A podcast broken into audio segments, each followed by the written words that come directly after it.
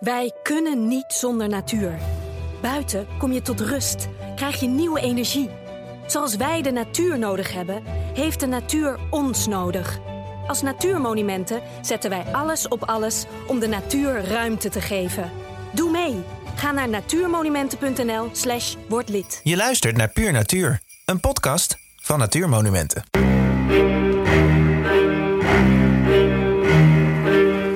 In Nederland hebben de brievenbestellers van de PTT in deze dagen een extra zware tas te sjouwen. In opdracht van het ministerie van Binnenlandse Zaken distribueren zij namelijk huis aan huis enveloppen waarin zich twee door de BB samengestelde boekjes bevinden met wenken voor de bescherming van gezin en individu. Men kan hierin lezen welke maatregelen genomen moeten worden om in geval van een oorlog huis en haard te beschermen tegen de gevolgen van een mogelijke aanval met atoomwapens.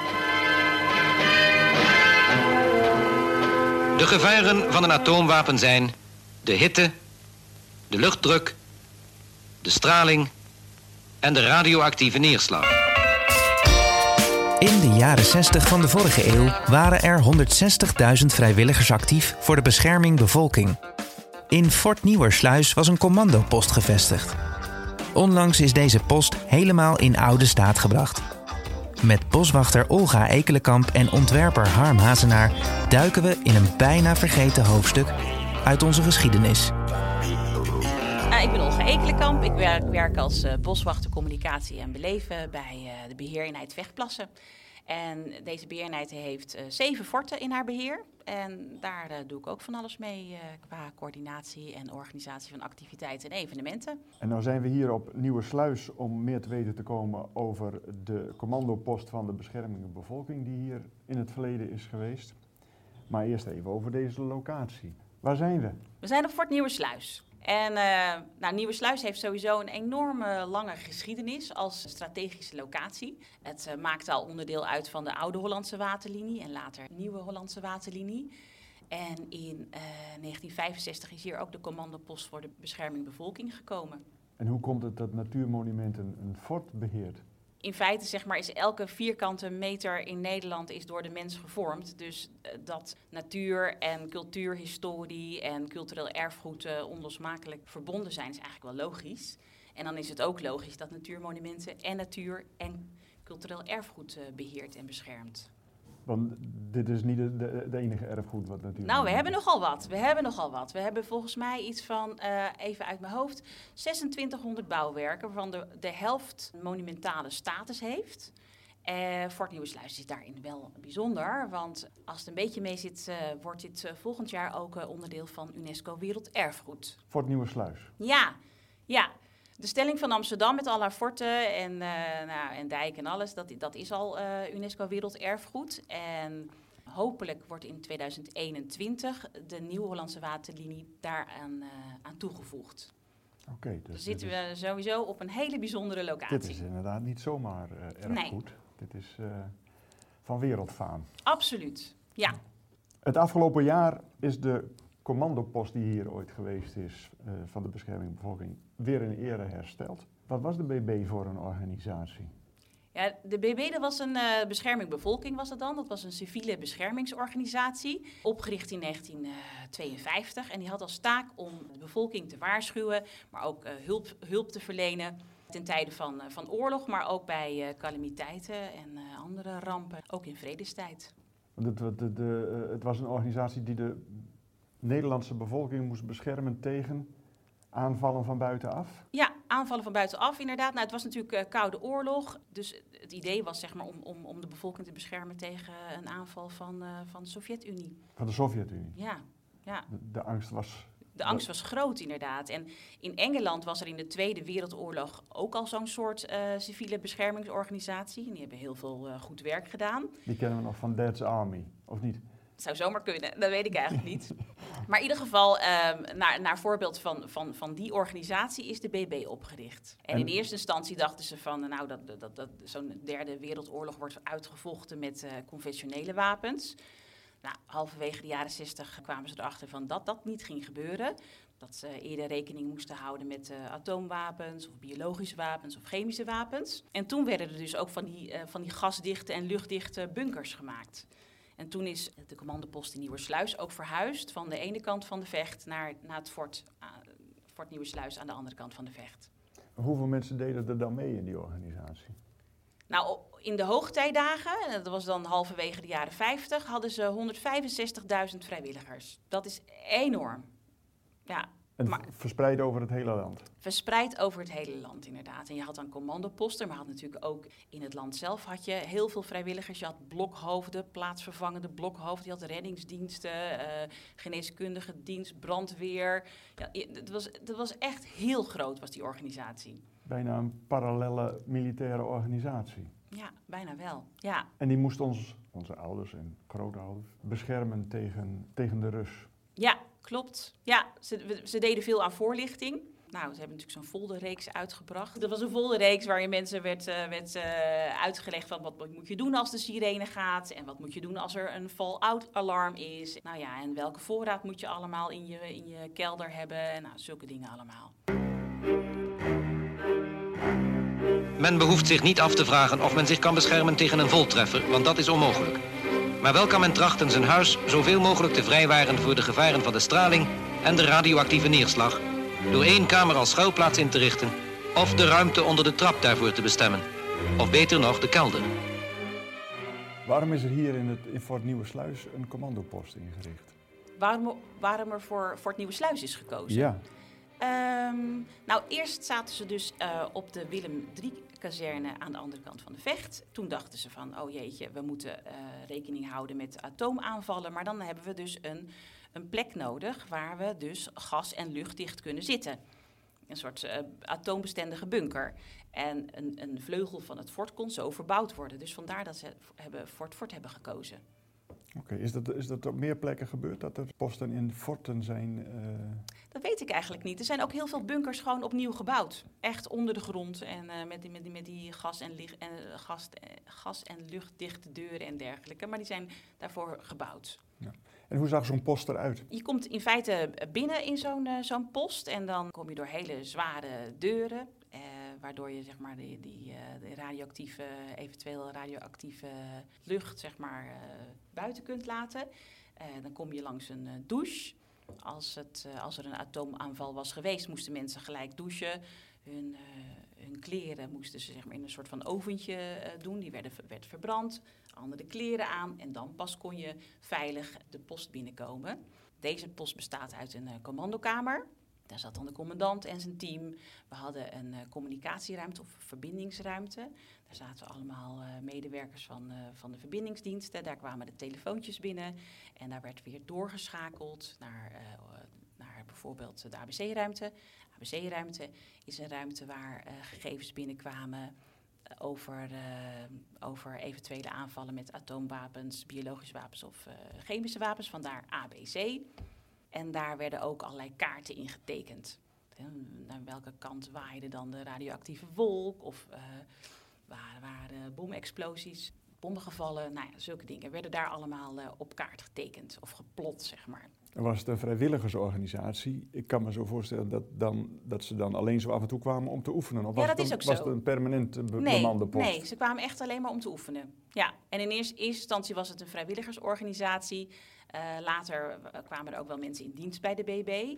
En je had ook uh, mensen die dan de noodwachters, uh, noodwachtersplicht heet dat volgens ja. mij.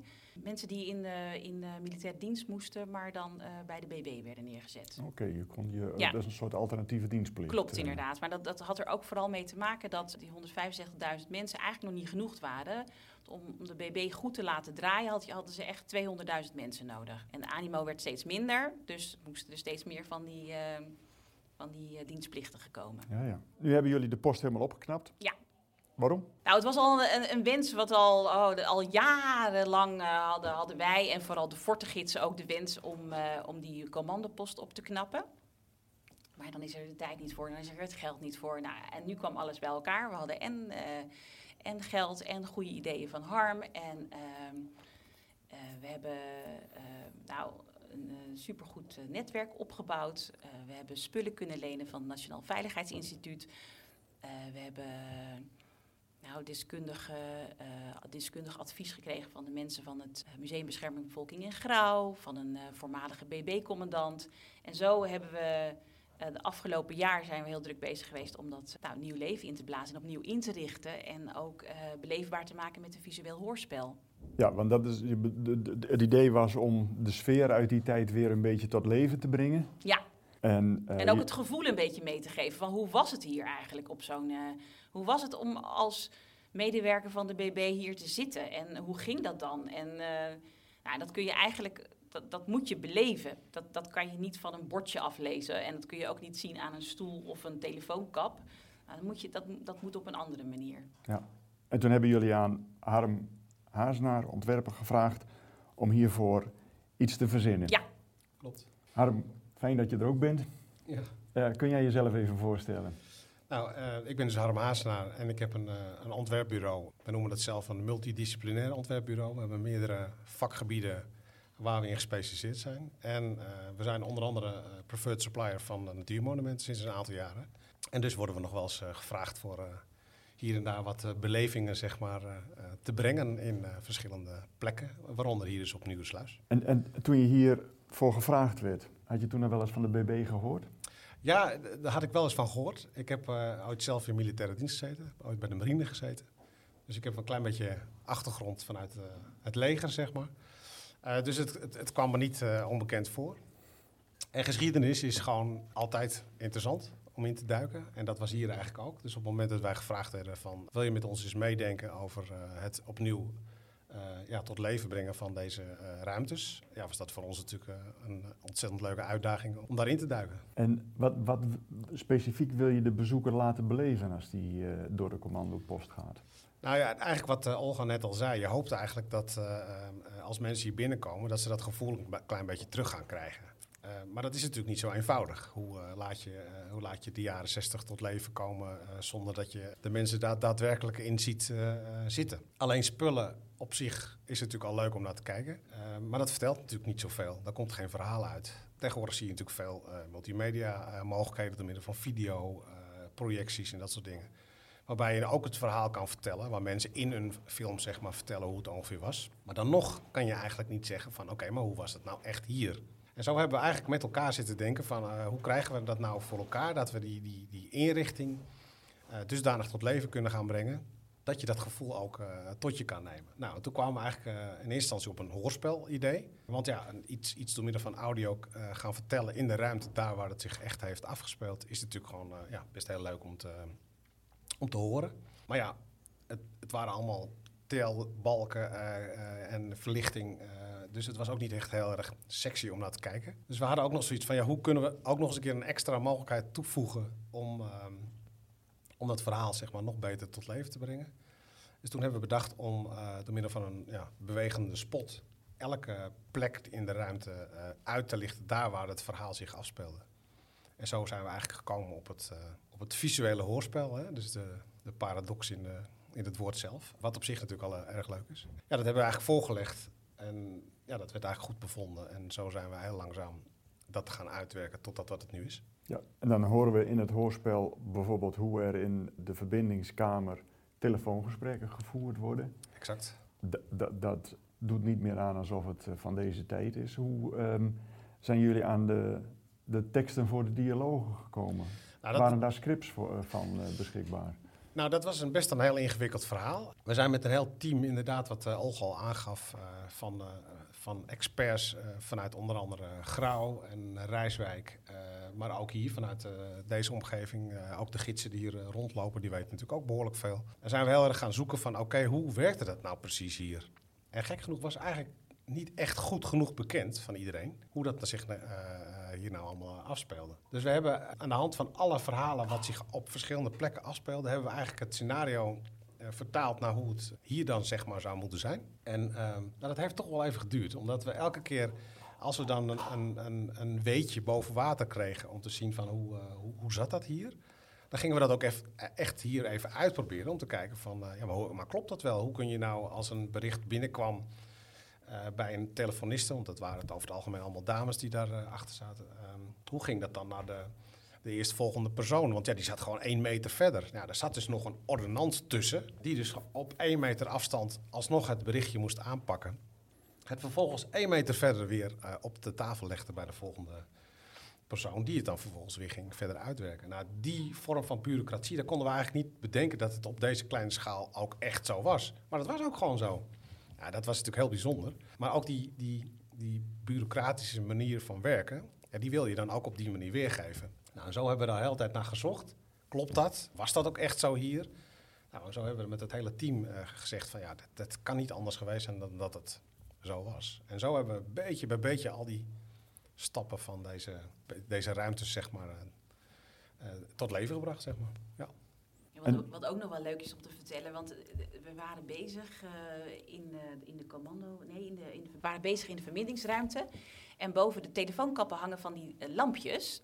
En die had Harm opengeschroefd. En er bleken dus allemaal verschillende kleuren lampjes ja, in te zitten. inderdaad, ja. We hadden geen idee waar die, waar die kleuren voor stonden. Dus dan hebben we aan de, aan de mensen van het Museum Bescherming Bevolking Grauw gevraagd. Hadden geen idee. We hebben het aan, uh, aan een BB-commandant uh, gevraagd. Ook geen idee. En iedereen ging dan ook zijn eigen lampjes uh, openschroeven. Bleken weer andere kleuren in te zitten. Dus sommige dingen blijven ook gewoon een mysterie. Weten we niet. Weten we niet. Hopelijk misschien dat iemand nog een keer naar ons toe komt en nou, nee, maar daar en daar stond ja, Wie weet die, degene ja. die de, de, podcast ook luistert. Ja, dat zou heel fijn zijn. Het mysterie van de lampjes. Het mysterie van de lampjes. Is nog niet, is nog niet boven water. Ja. Ja. Maar we, hebben ook, we hadden ook geen, uh, geen originele foto's van de ruimtes. We hadden wel foto's van de, van de uh, commandopost aan de andere kant van de vecht, maar niet van deze. Hier is niet gefotografeerd. Nou ja, wij hebben die foto's uh, niet kunnen achterhalen. Dus het is ook een beetje. Ja, klopt. Dus bij het neerzetten van de tafeltjes en, en, de, en de kappen moest je natuurlijk gewoon kijken van oké, ja, was dit wel precies zo? Ja, volgens mij wel, want het hier op de muur zit nog een ja. leiding, daar staat een lampje boven, nou dat hoort hier bij die telefoonkap. Nou, en zo hebben we echt beetje voor beetje um, geanalyseerd om te kijken van uh, ja, dit moet wel zo zijn geweest. Ja. Dus dat was, uh, dat was ook heel leuk om te doen ook. Dus, Superleuk, ja. ja. En, en, nu heb je je dus ontzettend verdiept in, uh, in, in de geschiedenis van de bescherming bevolking. Uh, hoe kijk je daarnaar? Nou, we hadden het net al even over die bureaucratie. Uh, daar hebben we wel ontzettend om gelachen. Want dat is wel iets, ja, dat zou je nu gewoon niet meer zien. Überhaupt is natuurlijk bescherming bevolking uh, niet meer van deze tijd. er is natuurlijk nog wel dreiging, maar niet op die manier dat we dit soort ruimtes hoeven in te richten. Althans, ik hoop het niet, laten we zo zeggen. dus de, ja, je, je, kijkt er op die manier wel naar dat het ook echt een stukje geschiedenis is. Het is niet meer van, van deze tijd. En dat maakt het ook wel heel bijzonder om het juiste te vertellen van ja, zo hebben we ook geleefd. Het is natuurlijk een hele, hele recente geschiedenis, maar mensen weten er niet zoveel van. Het is best nee. bijzonder. Het is een beetje een, uh, onontgonnen stukje geschiedenis. Ja, tot een, halverwege de jaren tachtig is dit hier ook uh, gewoon in gebruik geweest. Ja, ja. Het is nog niet eens zo heel lang geleden. Nee. Dus. En toch weten we er uh, zo goed als niks van. Klopt. Ja, ongelooflijk. Ja. Ja. ja. Er komen hier heel veel mensen binnengelopen en die hebben nog nooit van de bescherming bevolking gehoord. Als de nood aan de man komt, moet u in deze schouwplaats levensmiddelen meenemen en een blikopener, drink- en waswater, eet- en drinkgerei en toiletartikelen.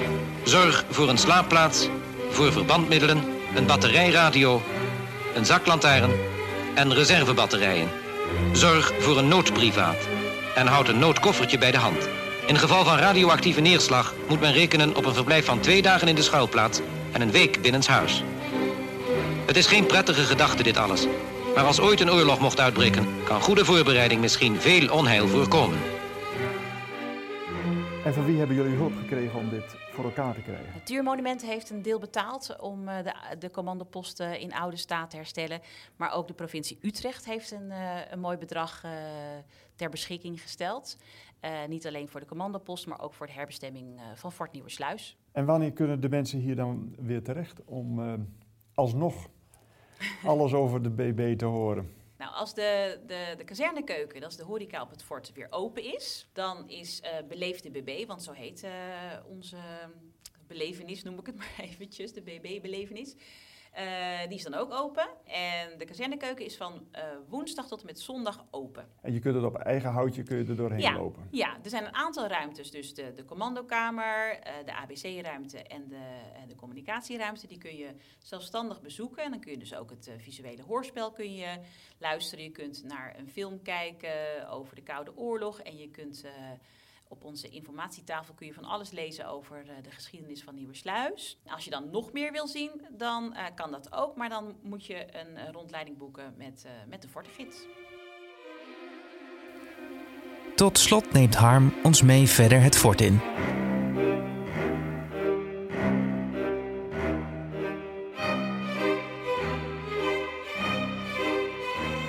Hier zitten we dus in de, in de communicatieruimte. Uh, en hier zaten dus, uh, ja, je kan, het, um, je kan het zien, ik zal het even opnoemen. We hebben 1, 2, 3, 4, 5, 6 verschillende um, telefoonkappen waar dan berichten op binnenkwamen. We hebben drie bureaus staan in het midden. En daar zaten allemaal mensen die al die berichten moesten verwerken en door moesten geven naar de commandoruimte naar hiernaast. Um, je ziet ongeveer tussen de ruimte, tussen de telefoonkappen en de bureaus, er zit nog net geen meter. Dus je zou bij wijze van spreken kunnen zeggen als de berichten binnenkwamen, uh, je geeft even het, um, het papiertje door naar de achterkant en dan kan iemand dat gewoon overnemen.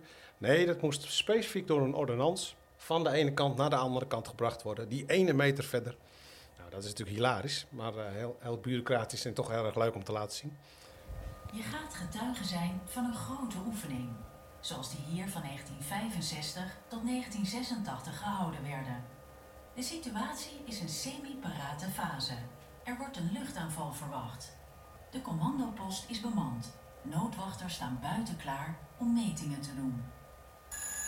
Je ziet ook nu aan die kant zeg maar de, uh, het geluid van de, van de telefonist die daar uh, natuurlijk zat. Die werd, dat werd weer doorverbonden naar voren. Nou, hè, dat is maar een hele korte afstand. Je ziet ook het lampje erboven nu branden.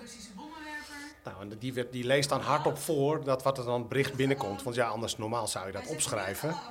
Uh, en nu vertellen we het gewoon. Dat, dat, moet je op die manier ook bij zo'n hoorspel doen. Je hoort het alarm op de achtergrond gaan. Ze herhaalt het bericht nog een keer.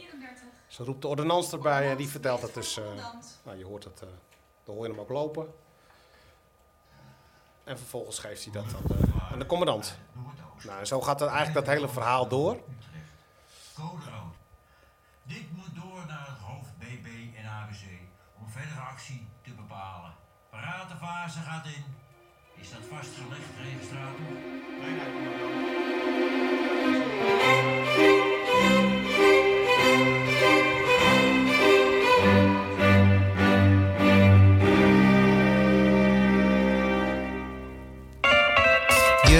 Frans Bosger in gesprek met Olga Ekelenkamp en Harm Hazenaar.